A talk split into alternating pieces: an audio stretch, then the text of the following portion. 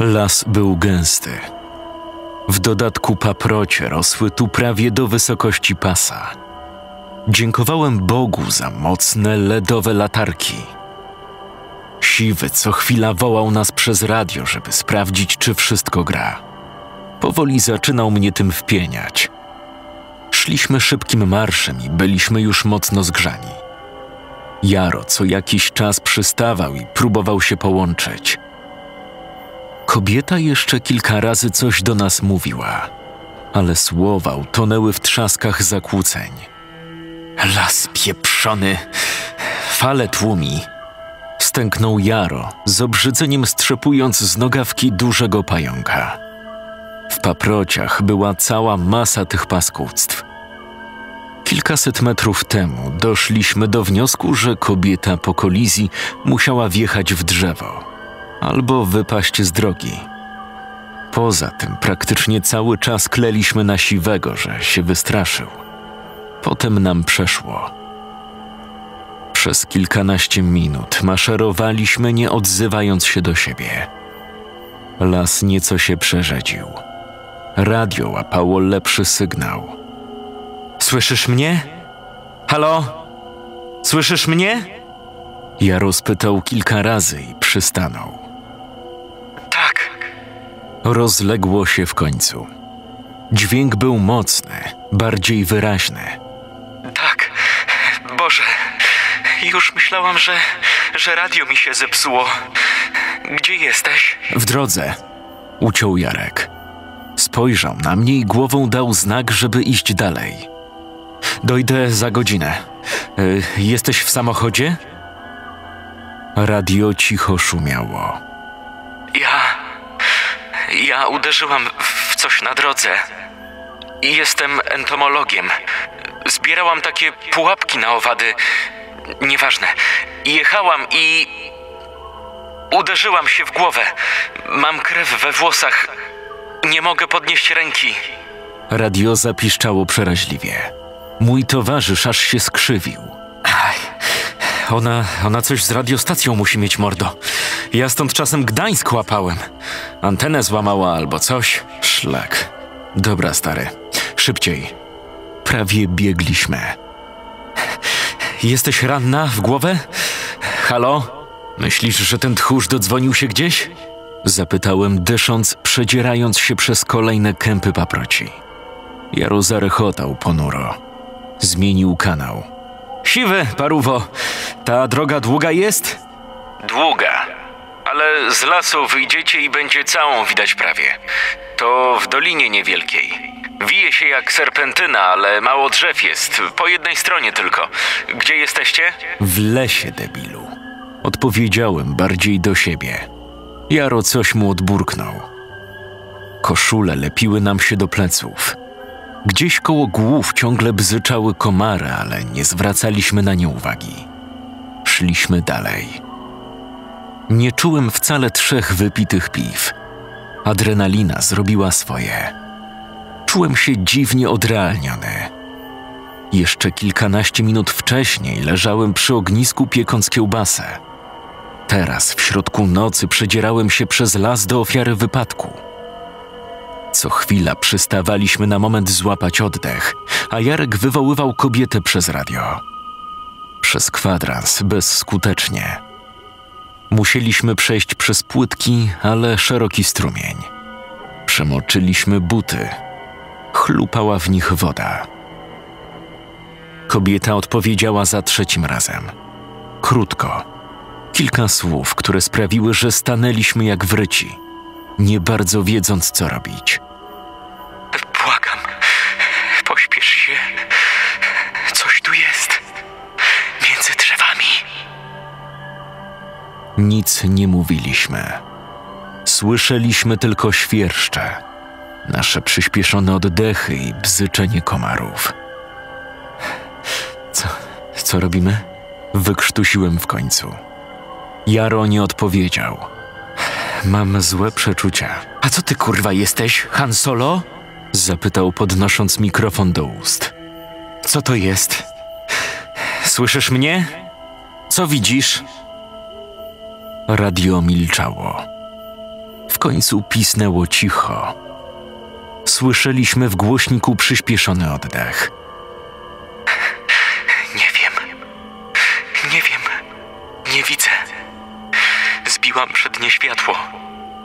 Jest ciemno, ale coś tam jest. Jeleń? Dzik? Powiedz jej, niech zatrąbi. Aha. Y, spróbuj zatrąbić. Sygnał się nałożył. Kobieta w tym samym czasie też zaczęła nadawać. Halo? Powtórz. Halo? Nie, to nie dzik. Coś większego. Przedramiona pokryła mi gęsia skórka. Stary, jak to jest niedźwiedź, to lepiej niech. Jaro uciszył mnie ruchem dłoni. Możesz odpalić silnik? Tak, ale to nic nie da. Coś jest nie tak z kołem. Chyba jest uszkodzone. Nie mogę obrócić kierownicy. To może być niedźwiedź? Boże, w Bieszczadach są jeszcze niedźwiedzie? Masz broń? Jesteś myśliwym? Nie mam broni. Spokojnie, ten zwierzak bardziej boi się ciebie niż ty jego. Pe- pewnie jest ranny. Widzisz go? Jest blisko? Nie jestem pewna. Jest za ciemno. Nie wiem nawet, czy. Sygnał znów się urwał. Między trzaskami radia usłyszeliśmy przerywany sygnał klaksonu. Siwy błyskawicznie wyłączył głos. Podniósł głowę do góry. Usłyszeliśmy. Gdzieś z oddali dobiegł nas zwielokrotniony przez echo dźwięk klaksonu. Znowu włączył głośnik. Słyszę cię. Jesteś blisko. Trąb co jakiś czas. To uciekło. Widziałam, jak zaczęłam trąbić. Słyszałam trzask gałęzi. To musi być duże. Widziałaś, co to było? Pytał Jaro ciężko dysząc. Prawie biegliśmy. Jednocześnie miałem wielką ochotę zawrócić. Jeśli faktycznie koło samochodu chodzi niedźwiedź, być może ranny, uderzony przez samochód, to zły pomysł. Zły pomysł. Głupi pomysł. Tłukło mi się cały czas w głowie. Ale szliśmy naprzód, przez las. Jaro zmienił kanał. Siwy! Siwy, kretynie! No? Dodzwoniłeś się gdzieś? Nie, stary, nie da się. A wy macie zasięg? Wyjąłem telefon z kieszeni. Zero. Pokręciłem głową. Nie. Y, Próbuj dalej. Gdzie jesteś? Widzicie już drogę? Co z tą babką w ogóle? Później. Uciął i zmienił kanał. Gdzieś w oddali znowu rozległ się dźwięk klaksonu. Pośpieszcie się. Błagam. Głos był bardzo wyraźny, głośny. Łapaliśmy coraz lepszy sygnał. Zaczęliśmy biec. Co jakiś czas słyszeliśmy klakson. Coraz głośniejszy, coraz bardziej wyraźny. Przyspieszyliśmy jeszcze bardziej. W końcu Jarek potknął się i wyrżnął jak długi na ziemię. Zaklął głośno, siadając na trawie. Cały przód koszuli miał mokry i pokryty igliwem. We włosy zaplątało się trochę pajęczyn i liści. Sam pewnie nie wyglądałem lepiej. Czułem, jak krople potu płyną mi po czole i plecach. Gdzie jest ta droga? Ciężko dyszałem. Klakson znów się odezwał. Blisko. Wyraźnie słyszeliśmy już z której strony. Podałem Jarkowi rękę i pomogłem wstać z ziemi. Dobra, jebać drogę. Na klakson biegniemy. Słychać przecież. Skrócimy trochę. Popędziłem go. Tak zrobiliśmy. Po dziesięciu minutach nie mieliśmy już siły na bieg. Szliśmy przed siebie. Czułem piekący ból ud. Światła latarek omijały drzewa i paprocie. Pieprzone bieszczady. Klołem pod nosem. Żeby było jeszcze gorzej, las wydawał się jeszcze gęstszy niż wcześniej, a drogi nadal nie było. Dobrze, że klakson słyszeliśmy wyraźnie. Rzuciłem okiem na kompas. zboczyliśmy na wschód. Dość sporo. Powietrze zrobiło się chłodniejsze i bardziej wilgotne, i coś dziwnie cuchnęło w powietrzu. Po pięciu minutach przystanąłem i spojrzałem pod nogi. Jaro też się zatrzymał, z chlupnięciem wyszarpując but z błota. Robiło się mokro. Na skróty mówisz? Zawracamy. Musimy iść bardziej bokiem. Tu się zaczyna bagnisko. Patrz. Poświecił latarką. Miał rację.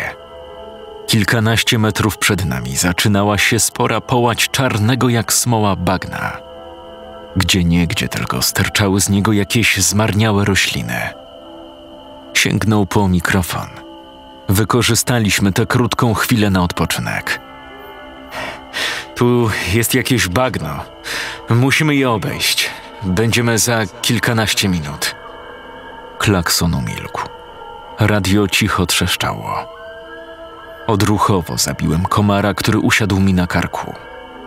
Musimy? Jest was dwóch? Zapytała w końcu kobieta. Dziwnie. Brzmiała trochę inaczej. Jarek chyba nie zwrócił na to uwagi. Ja natomiast, zdziwiony, uniosłem głowę. Trzech. Jeden został w obozowisku. Cisza. Znowu zabiłem komara. Od podmokłych terenów przed nami wiało chłodem i bagiennym stęchłym zapachem. Dwóch. Powtórzyła kobieta. Dziwnym głosem. Jakby cedziła słowa przez zaciśnięte zęby. Jej głos się zmienił. Był niższy, głębszy. I miałem dziwne wrażenie, że nie działo się tak z powodu zakłóceń w radiu. Spojrzeliśmy na siebie. Klakson, który trąbił co chwilę, teraz milczał. Halo? Słyszysz mnie? Halo? Za dużo. Dwóch za dużo. Odezwało się radio. Głos był inny, dziwny. Trudno było powiedzieć, czy należał do kobiety, czy do mężczyzny. Usłyszeliśmy przerywany, świszczący oddech. Włosy stanęły mi dęba. Było w nim coś przerażającego, nieludzkiego. Widziałem, jak Jarkowi zaczynają trząść się ręce. Ja pierdolę, co jest? Spytał, patrząc na mnie z przerażeniem. Słyszeliśmy w głośniku oddech, momentami na granicy syczenia. Trzech. Jeden został w obozowisku. Odezwał się w radiu głos Jarka. Potem na kilka sekund zrobiło się cicho. I znów znajomy kobiecy krzyk. Halo? Halo? Ktoś mnie słyszy? Potrzebuję pomocy. Cisza. Co do? Zacząłem, ale radio znów się odezwało. Usłyszeliśmy klakson, ale nie z lasu. Dźwięk. Cichy, stłumiony. Dobiegł nas z głośnika radiostacji. Najpierw był to zwykły klakson. Głuchy, buczący. A potem się zmienił płynnie przeszedł w coś, co bardziej brzmiało na zawodzenie jakiegoś zwierzęcia. Sygnał się urwał. Chwilę później z radia popłynął przerażający, nieludzki chichot. Koło bacówki Gubały. Kilometr, może dwa. Usłyszeliśmy po chwili głos Jarka. Trochę bardziej głuchy, jakby powtórzony przez echo zabrzmiał wyjątkowo szyderczo i złowrogo. Nie dożyjecie do rana. Potem radio trzasnęło i zamilkło. Kilka sekund staliśmy skamieniali z przerażenia. Jarek, patrząc na mnie wytrzeszczonymi oczami, sięgnął po mikrofon. Przełączył kanał. Siwy? No, Jesteście już? Siwy, uciekaj stamtąd! Co ty? Siwy, wiej, kurwa! Wydarł się na całe gardło. Radio wyleciało mu z ręki i z chlupnięciem wpadło w błoto. Zaklął pod nosem. Podniósł je i zaczął wycierać rękawem. Rozglądałem się dookoła, świecąc latarką. Miałem wrażenie, że widzę ruch między drzewami. Coś zaczęło huczeć w powietrzu. Z początku z oddali, potem coraz głośniej i głośniej. Rzuciliśmy się do ucieczki. Biegliśmy do obozowiska. Światła latarek gorączkowo migały po drzewach. Kilka razy prawie straciłem równowagę, ale biegłem dalej. Coś hałasowało głośniej i głośniej. Spanikowaliśmy. Po przekroczeniu pewnej granicy przerażenia w człowieku zostaje sam instynkt ucieczki. Byle przed siebie, nie zważając na wszystko dookoła. Byle do przodu. Gałęzie boleśnie chlastały nas po twarzach. Parę razy upadłem twarzą w trawę. Jarek biegł kilkanaście metrów przede mną. Widziałem światło jego latarki tańczące między drzewami. Przeskoczyłem nad radiostacją, którą musiał upuścić. Huk nad nami stał się jeszcze głośniejszy. Światło latarki Jara nagle zniknęło. Usłyszałem jego krzyk. Kurwa! Przyspieszyłem. Kilka sekund później sam straciłem grunt pod nogami i runąłem jak długi w dół stromego zbocza jaru. Koziołkując, poczułem jak uderzam w pień drzewa. Potem zjeżdżam coraz szybciej na wilgotnych liściach i mchu. W końcu wyhamowałem. Czułem ciepłą krew płynącą mi po czole. Dziesięć metrów obok widziałem latarkę Jara leżącą w liściach. On sam przeklinając podnosił się z ziemi. Zalało nas jaskrawo białe światło. Stać, straż graniczna, nie ruszać się. Stojać, pograniczniki. Ryknął głos z megafonu. Helikopter wisiał nad lasem, oświetlając nas reflektorem. W oddali słyszeliśmy silnik jeepów i ujadanie psów. Ku rozczarowaniu granicznych nie okazaliśmy się ukraińskimi przemytnikami.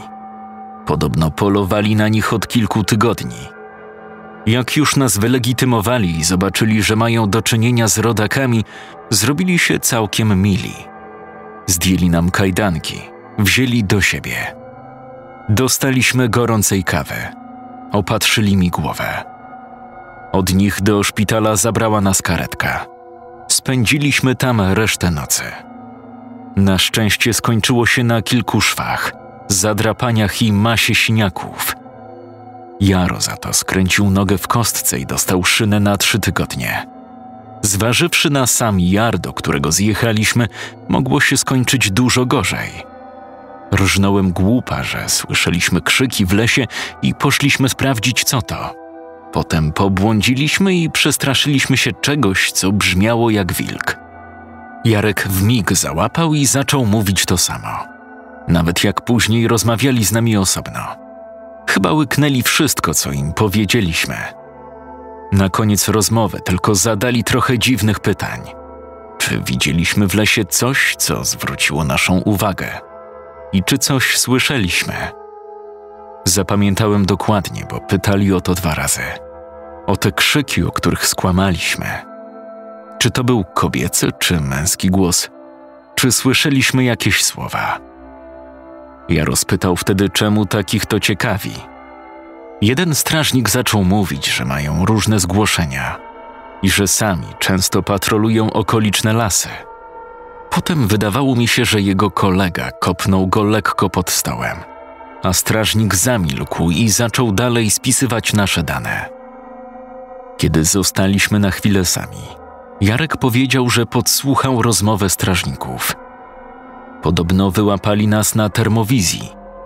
Tylko Jarek wyraźnie słyszał, jak jeden mówił, że było nas troje. Ja, Jarek i trzecia postać. Jakieś 200 metrów od nas. Potem jakimś cudem ślad cieplny znikł gdzieś między drzewami.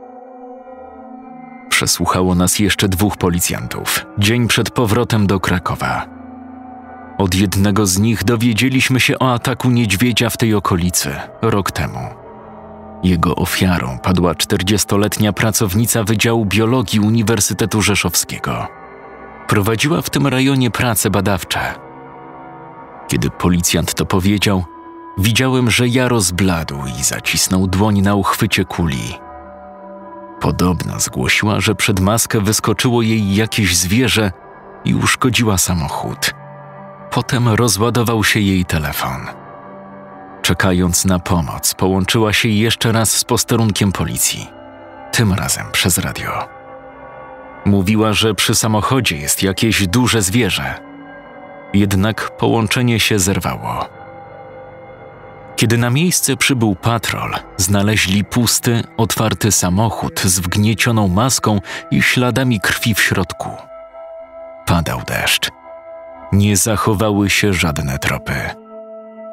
Potem, jakieś dwa tygodnie temu, kilometr od miejsca wypadku, turyści znaleźli strzępy jej kurtki i kilka pasm włosów trzymających się na strzępie skóry. Badania genetyczne potwierdziły, że to zaginiona Mariola Wolska. Sprawę uznano za atak niedźwiedzia i zamknięto. Policja, wcześniej przeczesując teren, znalazła więcej rzeczy zaginionej. Nie doszukali się tylko jej krótkofalówki z ładowarką solarną. Kanał na YouTubie zamknęliśmy miesiąc później. Ostatecznie nie wyjawiliśmy nikomu, że to my odpowiadamy za legendę o Wielkiej Stopie. Ta zresztą po kilku tygodniach umarła śmiercią naturalną. Pojawiły się inne internetowe straszaki. Z Jarem nie rozmawialiśmy o sprawie zbyt wiele. Chcieliśmy o tym wszystkim jak najszybciej zapomnieć. Nikomu nie mówiliśmy o głosie w radiu. Nie miało to sensu. Kto by nam uwierzył? Czasem człowiek spotyka się z czymś, co w jednej chwili obala jego zracjonalizowaną i stabilną wizję świata. Kiedy jechaliśmy ze strażnikami granicznymi do ich bazy, poprosiliśmy, żeby wysłali kogoś posiwego. Pojechało dwóch, na kładach. Potem wezwali jeszcze czterech. Nad ranem okolice naszego obozowiska przeszukiwało kilkadziesiąt osób. Dookoła wygasłego ogniska stały trzy namioty i plecaki. Tylko tyle. Namiot siwego był poszarpany, jakby rozpruło go jakieś dzikie zwierzę. Jego samego znaleźli pół kilometra dalej, w kilku miejscach. Wątpiłem w to, co pisali w gazetach. Moim zdaniem to nie był atak niedźwiedzia. Odwiedź nas na Facebooku i Instagramie. Linki w opisie. Scenariusz Marcin Młynarczyk. Czytał Jakub Rutka.